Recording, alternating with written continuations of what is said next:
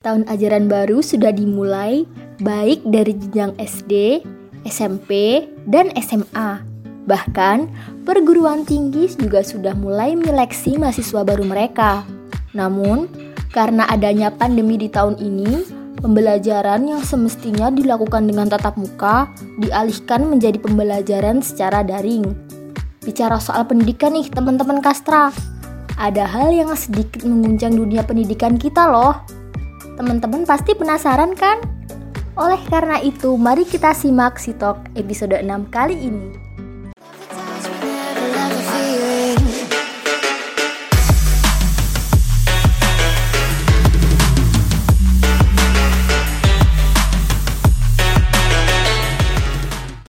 Teman-teman Kastra pasti udah nggak asing lagi kan sama Menteri Pendidikan dan Kebudayaan kita?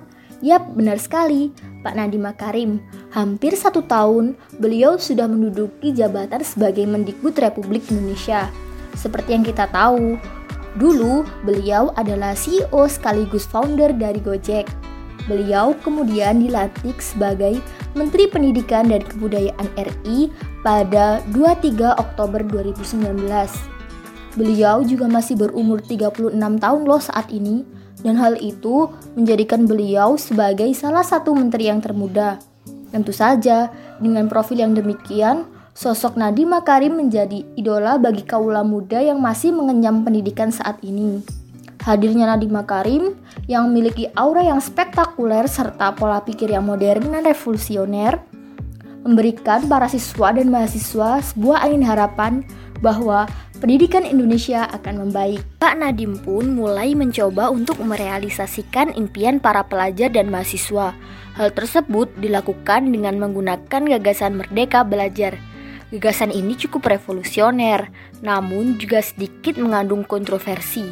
Program Merdeka Belajar ini salah satu isinya adalah dihapusnya ujian nasional. Hal tersebut tentu saja menjadi suatu hal yang sangat bahagia bagi siswa karena selama ini UN seolah-olah menjadi mimpi buruk bagi siswa Indonesia. Guru pun demikian, guru diberi kebebasan untuk memilih cara mendidik muridnya. Dulunya, format pembelajaran terkesan kaku. Kini, guru bisa lebih leluasa untuk menyesuaikan gaya belajar muridnya. Selain inovasi di dunia sekolah, Pak Nadim juga berinovasi di dunia kampus. Seperti yang kita tahu, sekarang, perguruan tinggi terutama universitas di Indonesia berada di bawah naungan Kemendikbud. Inovasi Pak Nadiem dalam mengembangkan perguruan tinggi adalah melalui program Kampus Merdeka. Teman-teman pasti udah nggak asing lagi dengan program ini.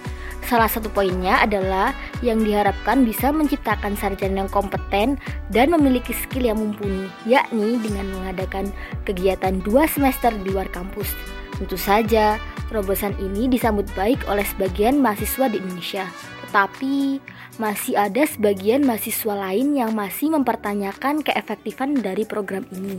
Sekilas, Bapak Nadim sudah mewujudkan impian pelajar dan mahasiswa mengenai pendidikan Indonesia yang semakin baik.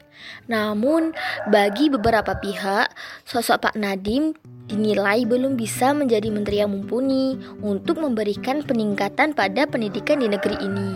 Mengingat latar belakang Pak Nadim lebih ke arah bisnis dan teknologi dibandingkan pendidikan. Otomatis, beberapa pengamat pendidikan merasa ragu dengan peran Pak Nadim di Kemendikbud Republik Indonesia. Kemudian, kontroversi tersebut berlanjut lagi saat munculnya polemik mengenai program organisasi penggerak atau yang disingkat dengan POP.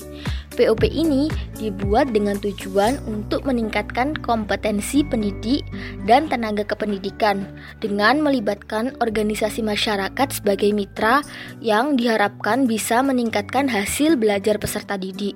Namun, dua ormas yang ikut ke dalam program ini yakni Muhammadiyah dan NU memutuskan untuk mundur dan kemudian diikuti oleh PGRI yang juga memutuskan untuk mundur dari POP.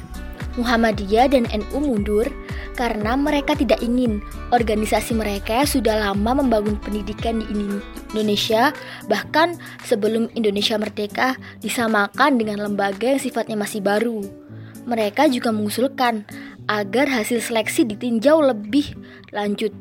Di sisi lain, PGRI mundur karena mereka meyakini bahwa alokasi dana untuk POP lebih bermanfaat jika digunakan untuk membantu guru, siswa, hingga infrastruktur khususnya di daerah yang tertinggal. Polemik ini kemudian berujung pada kekecewaan berbagai pihak. Dilansir dari haibenar.com, Partai Amanat Nasional atau PAN meminta Presiden Jokowi untuk mencopot Pak Nadiem. Di sisi lain, Wakil Ketua DPR Muhaimin Iskandar menyatakan bahwa Pak Nadiem perlu-perlu diganti jika ada reshuffle kabinet, sebab beliau masih perlu menyelesaikan masalah yang ada terlebih dahulu. Nah, dari sini mungkin kita berpikir bahwa Pak Nadiem pasti akan mencabut POP ini. Tetapi beliau masih tetap berusaha untuk melanjutkan program ini. Pak Nadiem akan melakukan evaluasi lanjutan mengenai program ini menggunakan masukan yang selama ini beliau terima.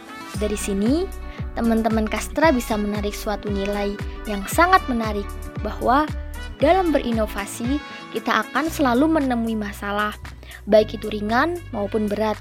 Namun, dengan rintangan tersebut, tidak seharusnya kita menyerah dan kabur.